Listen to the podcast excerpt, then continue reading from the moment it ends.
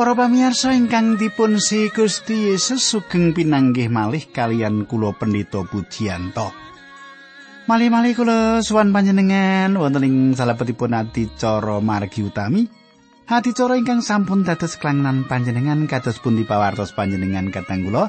Menapa panjenengan sae-sae kemawon lan kula suwun panjenengan tansah pinerkahan dening Gusti lan dicangkung dening Gusti. Kados padatan panjenengan kula dherekaken nyemak pangandikanipun Gusti kayektosan kayektosanipun ingkang dipun pratelakaken ing kitab suci kala kepengker sampun tumugi setunggal Korintus kang 11 lan samenika badhe kita lajengaken sugeng midhangetaken adicara menika.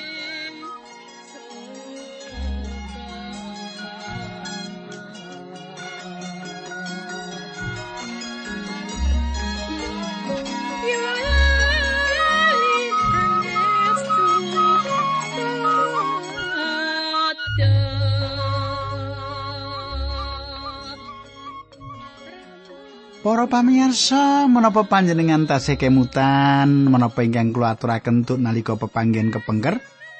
Kita kepengker sampun nyemak kados pundi Paulus nggambaraken bilih Gusti Yesus nate ngetingalaken saliranipun dumateng Paulus piyambak. Gitu, dateng Petrus, dateng para murid lan sanes-sanesipun. Lan kita badhe lajengaken monggo kita tumungkul kita ndedonga langkung rumiyin saderengipun kalajengaken.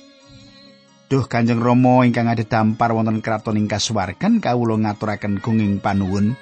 Menawi wekdal menika kawula saged tetunggilan kalian sedherek kawula lan kawula nyuwun Gusti berkahi sedherek kawula menika wonten ing papanggihan menika.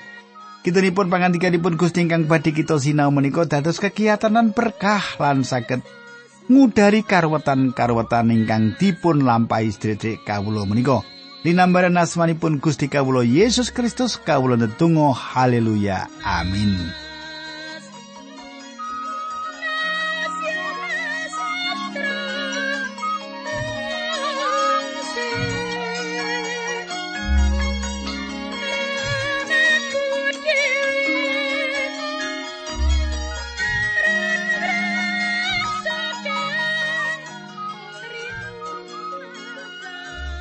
Para pamiyasa, pasinaon kita sampun lobet ing kitab setunggal Korintus kang 11. Kepenger sampun dumugi ayat 8 samenika kula lajengaken wiwit ayat 9. Samenika ayat 9 lan sedasa ing basa pedinan. Aku iki rasul sing ngasor dhewe lan ora pantes disebut rasul mergo aku wis tau nguyaya pesamone Gusti Allah. Nanging mergo siramate Gusti Allah aku dadi kaya kaananku saiki lan sih rahmat sing kaparingake dening Gusti Allah marang aku ora muspro. Awit aku wis nyambut gawe luwih keras ketimbang karo para rasul yaliyani senajan satemene dudu saka pamersudiku dewi nanging mergo sih rahmate Gusti Allah sing makaryo ana ing aku. Para pamirsa, Paulus mestani badanipun piyambak minangka rasul ingkang asor piyambak tinimbang sedaya rasul sanesipun.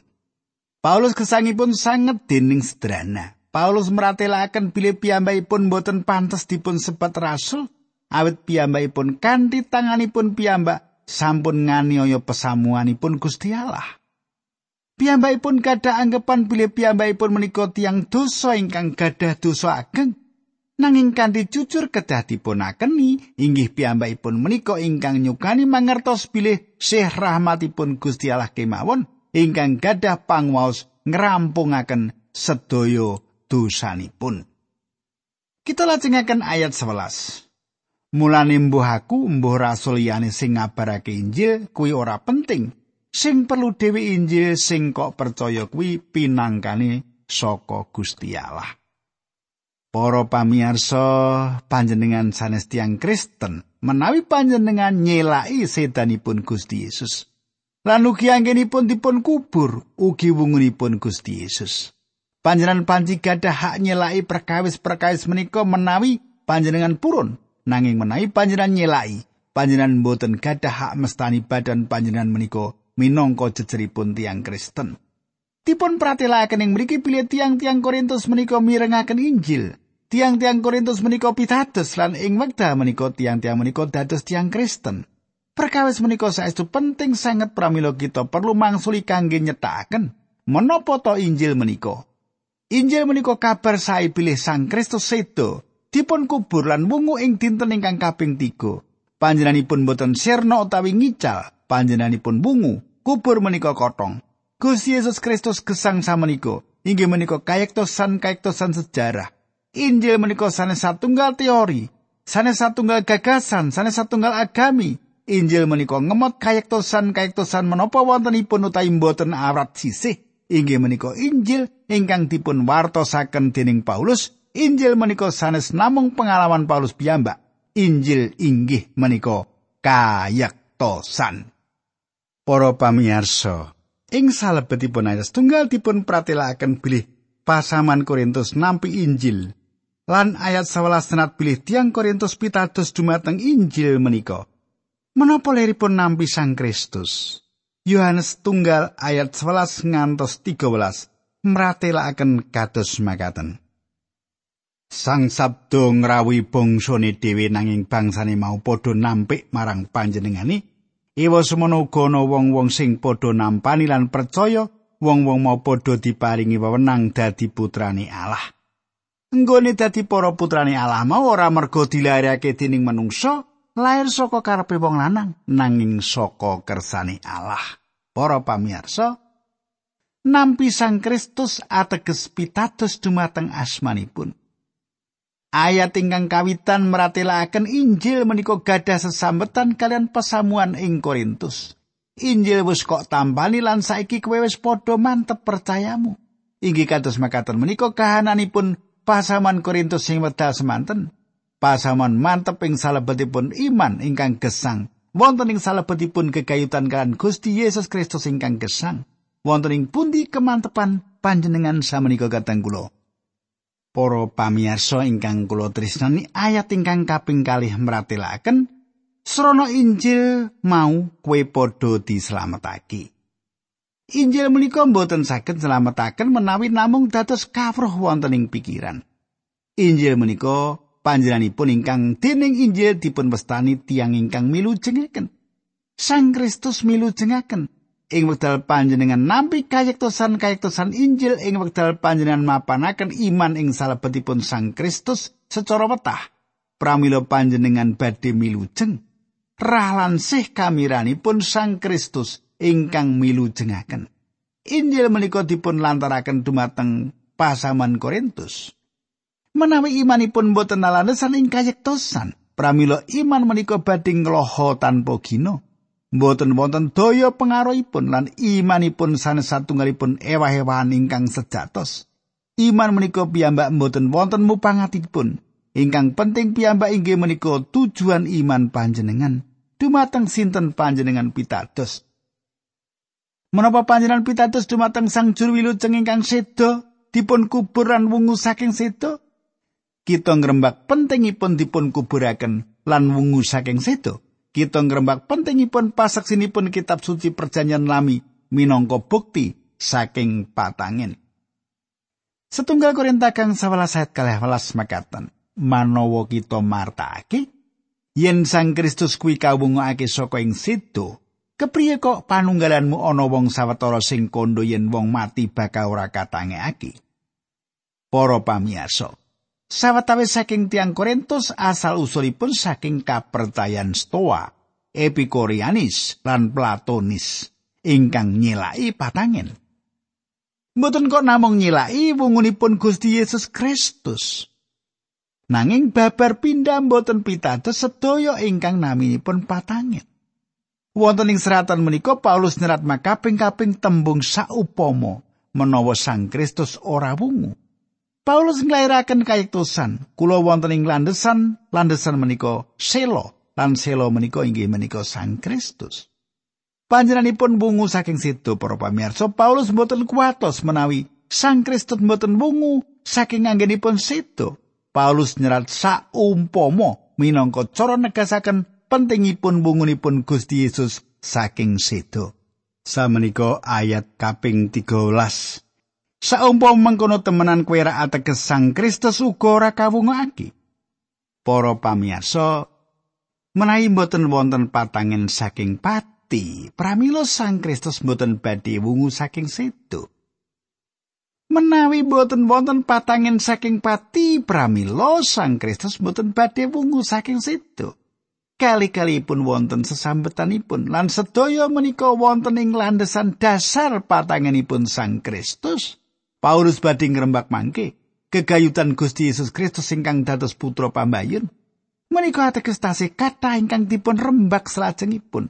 Panjenenganipun menika ingkang sulung, ingkang bajeng lan mangke ing wekdal rawuhipun badhe wonten patangen tiang-tiang ingkang dados kagunganipun. Kita lajengaken ing ayat 18 lan yen Sang Kristus ora kawungake ra ora ana perkara sing perlu diwartakake mengkono uga ra ora ana perkara sing perlu kok percaya Para pamirsa saged ugi panjenengan dados pasaman gereja ingkang nampik bilih Sang Kristus wungu saking situ.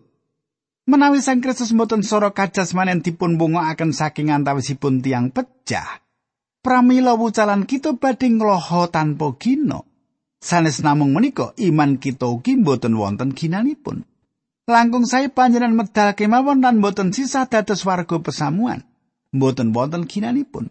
Mboten wonten untungipun panjenengan tindak dateng gereja utawi mirengaken khotbah menawi Sang Kristus mboten bungu saking sedo. Kita lajengaken ayat kang 11. Malah aku banjur padha ketitik goroh ing ngatasé Gusti Allah, sebab aku padha muni yen Gusti Allah kuwi mungokake Sang Kristus saka ing situ, mongko kandhane wong mau, wong mati ora katangekake. Para pamirsa, sedaya rasul inggih menika tukang hapus-hapus menawi Sang Kristus mboten wungu. Para rasul inggih menika saksi palsu menawi Sang Kristus tasih wonten ing kubur. Menapa nate panjenengan ngatosaken pilih manungsa menika mboten siap pecah kangge satunggalipun ingkang asipat apus-apus. Saged ugi wonten manungsa purun pecah kangge perkawis keguruan nanging namung tiang-tiang menika menapa ingkang ndadosaken siap pecah menika satunggalipun kayektosan kangge tiang-tiang menika. Para pamirsa, tiang menika nganggep keguruan menika saestu dadi wani pecah. Upaminipun yutan tiang pecah kangge Hitler, awit tiang-tiang menika pitados dumateng Hitler. Para rasul nyeksekaken pilih para rasul ningali Sang Kristus ingkang wungu. Lan para rasul menika purun pecah kangge pratelo menika. Manungsa mboten purun pecah kangge satunggalipun perkawis ingkang dipun anggap apus-apus.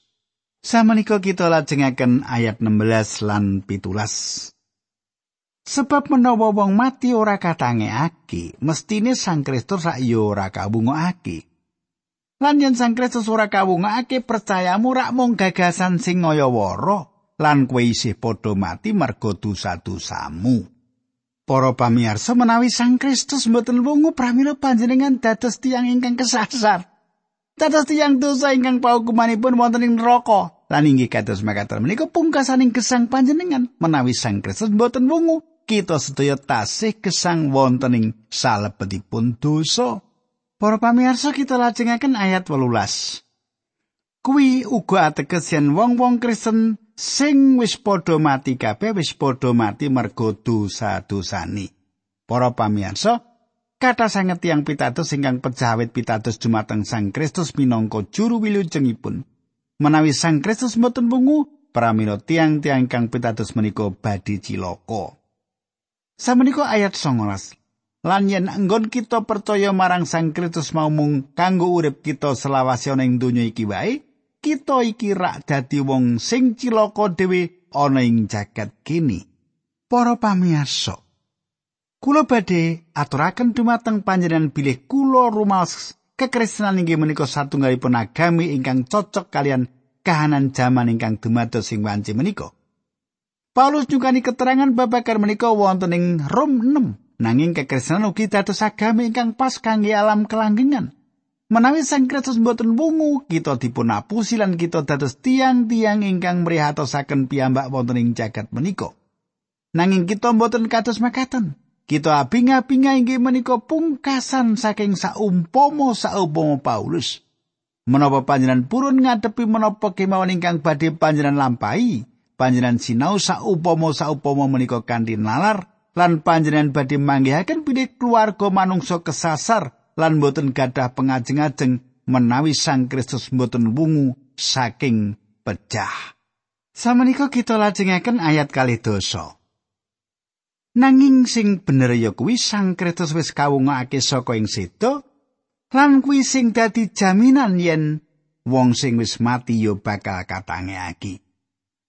Para pamirsa Sang Kristus inggih menika ingkang pambayun ing salebetipun perjanjian lami tiang ingkang ngawontenaken riyaya panen kawitan ing wedal tiang-tiang menika panen gandum ingkang kawitan kaunjukaken dumateng Gusti. Menika leripun badhe wonten kata malih ingkang dumugi menawi boten pramila naminipun sanes woh pambayun. Panggenepanipun wonten ing salebetipun wungunipun Gusti Yesus Kristus. Panjenenganipun wungu saking sedo kanthi badan kamulyan lan panjenenganipun kemawon satunggal-tunggalipun ingkang wungu saking sedo kanthi badan kamulyan.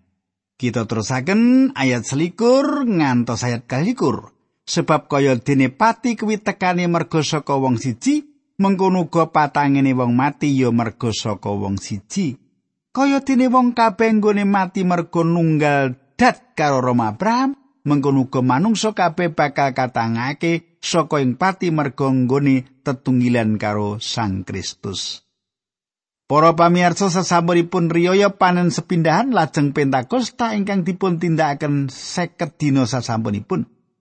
Perkawis menika dipun genepi ing salebetipun Pentakosta ing salebetipun perjanjian lami ing wekdal gereja dipun kawiwiti.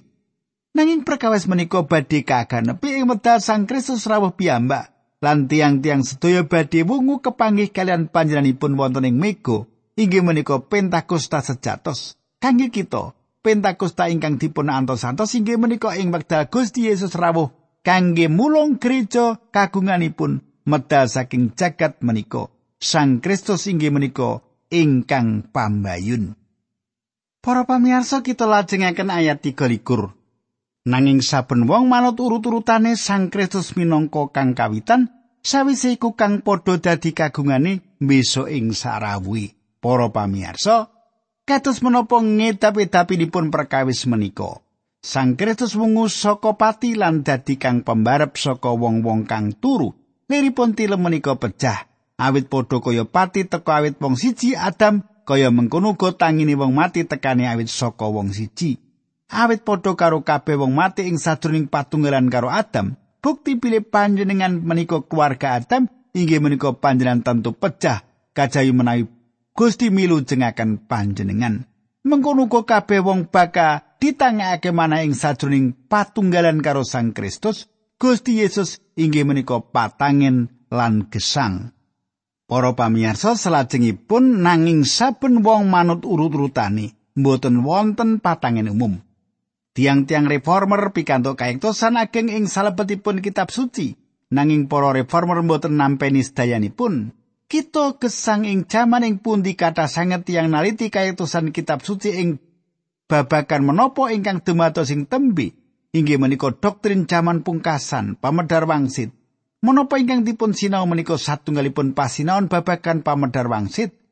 Kathah sanget pucalan pasu kekayutan keran pamedar wangsit saperangan ageng awit saking anggenipun boten mangertos menapa ingkang dipun serat kitab suci kula yakin bilih kedahipun kitab wahyu boten sisah dipun wucalaken sadaringipun tiang sinau langkung rumiyin kitab-kitab sanesipun pamedar wangsit menika penting nanging boten kok langkung penting tinimbang samudayanipun. Tiang-tiang reformasi ngidapi-dapi sanget manggihaken kata sanget kayektosan kitab suci. Nanging tiang reformasi menika kejalan bucalan kitab suci ingkang meratelaken bila sedaya tiang badhe kawungaken manut urutanipun. Kani makaten wonten dinten patangen. Sang Kristus menika ingkang pambayun lan sawise kuwi wong-wong mau bakal dadi kagungane ing wektu dina karahuani. Kangge menapa panjenenganipun rawuh panjenenganipun wangsul kangge gereja kagunganipun. Kita lajengaken ayat kawan likur. Sawise kuwi lagi kiamat, Sang Kristus bakal nelokake sakai para panggedhe, peperintahanan sakai panguwasa sarta masrahake panguwasa nggone jumeneng ratu ana ing kratone marang Allah Sang Rama. Para pamirsa, sawise kuwi lagi kiamat. Kiamat menapa? Kiamat wekdal ingkang sampun pungkasan. Kapan kiat menika dumados? Ing wekdal mangsa kasangsarenaken sampun tumugi lan salajengipun wonten kraton sewu taun ing bumi menika. iblis badhe dipun colaken malih kangge sawetawis wekdal. Salajengipun iblis menika badhe dipun bucal dhateng samudra latu lan Gusti Yesus Kristus badhe mbangun kratonipun ingkang asipat langgeng. Inggih menika ingkang sinebat kraton ingkang langgeng. Sejatosipun kerajaan langgeng menika satunggalipun gambaran ingkang tebih saking kerajaan sewu taun. Namung kerajaan menika ingkang dados jaman ingkang kacopi sarta masrake pangwasa nggone jumeneng ratu ana ing kratone marang Allah Sang Rama. Para pamirsa, binjang menapa perkawis menika dumados ing pungkasan krajan sewu taun Sang Kristus badhe maringaken sedaya tatanan lan sedaya pangwaos lan kegiatan.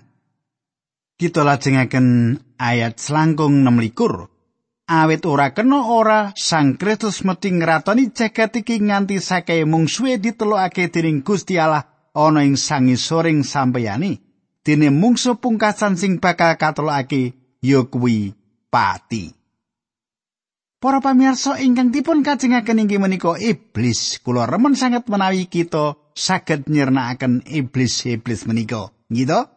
Kita lajengaken ayat 17. Awit ing kitab suci ana pangandika Gusti Allah wis nelokake samubarang kabeh ana ing sangisore sampeyane. Tembung samubarang kabeh kuwi masjid ateges yen Gusti Allah piyambak ora klebu ana ing kono merga panjenengane sing nelokake samubarang mau marang Sang Kristus. Para pamirsa dados Sang Kristus mboten teluk dumateng Gusti Allah nanging tenggurumiyin panjenengan katosaken ayat salajengipun. Ayat 28. Sawise samubarang kabeh kelakon katolakake marang Sang Kristus nulis Sang Kristus ya Sang Putra piyambak bakal nelokake sarirane piyambak marang Gusti Allah sing wis nelokake samubarang kabeh marang Sang Putra kaya mengkono akhiri Gusti Allah piyambak sing bakal ngasto sakabehing pemerintahan. Para pamirsa, ayat menika liripun ing wekdal Sang Kristus sampun ngrampungaken anggenipun nglenggahi dampar sewu taun ing bumi lan sampun bangun pemerintahan ingkang langgeng. panjenenganipun badhe wangsul dhateng kalengganipun minangka jejeripun Allah. Panjenenganipun badhe miwiti perkawis ingkang enggal. Gusti Allah piyambak sing bakal ngasto sakabehing pemerintahan. Ayat 29. Yen ora mengkono apa paedahe baptise wong-wong sing padha dibaptis merga wong mati, sing diarep-arep apa? Menapa wong mati ora ditangake kaya kandhane saweneng wong? Ya gene wong-wong mau padha dibaptis merga sing wis mati. Para pamirsa panjenengan gatosaken apa gunane penggawene wong-wong ingkang dipun kajengaken inggih menika menapa ingkang dipun hasilaken tiang-tiang menika. Kita sampun sinau pilih tembung baptis liripun dipun tunggalaken kalian setunggal tiang utawi setunggal perkawis. Ing perkawis menika Paulus ngrembak kegayutan anggenipun nunggalaken kalian tiang pecah. Paulus tanglet, apa gunane penggawene wong-wong kang dibaptis kanggo wong mati. Menawa wong mati babar pisan ora ditangekake kenapa wong-wong mau gelem dibatis kanggo wong-wong kang wis mati? King menapa tiang-tiang menika dipun tunggalaken kaya dene wong mati? Perkawis menika meratelaken bilih tiang-tiang pitados Korintus dipun baptisaken kangge keluarga utawi rencangipun ingkang pecah. Menika leripun tiang-tiang dipun baptisaken utawi dipun tunggalaken kalian Sang Kristus Yesus ingkang sampun pecah kangge tiang-tiang lan panjenenganipun samenika wungu saking situ tiang-tiang pecah kangge jagat nanging gesang kangge Sang Kristus lan kula sami ugi kenging menapa kita ing saben-saben mlebet ing kahanan ingkang mbebayani menika. Para pamirsa, monggo kita ndedonga. Duh Kanjeng Rama ingkang adhedhampar wonten kraton ing kasuwargan, kawula ngaturaken kenging panuwun menawi wekdal menika kawula saged tetunggilan kalian sedherek kawula berkahi Gusti kanthi pangandikan ingkang sampun kawula babaraken. Dinambaran asmanipun Gusti Yesus Kristus kawula netunggal. Haleluya. Amin.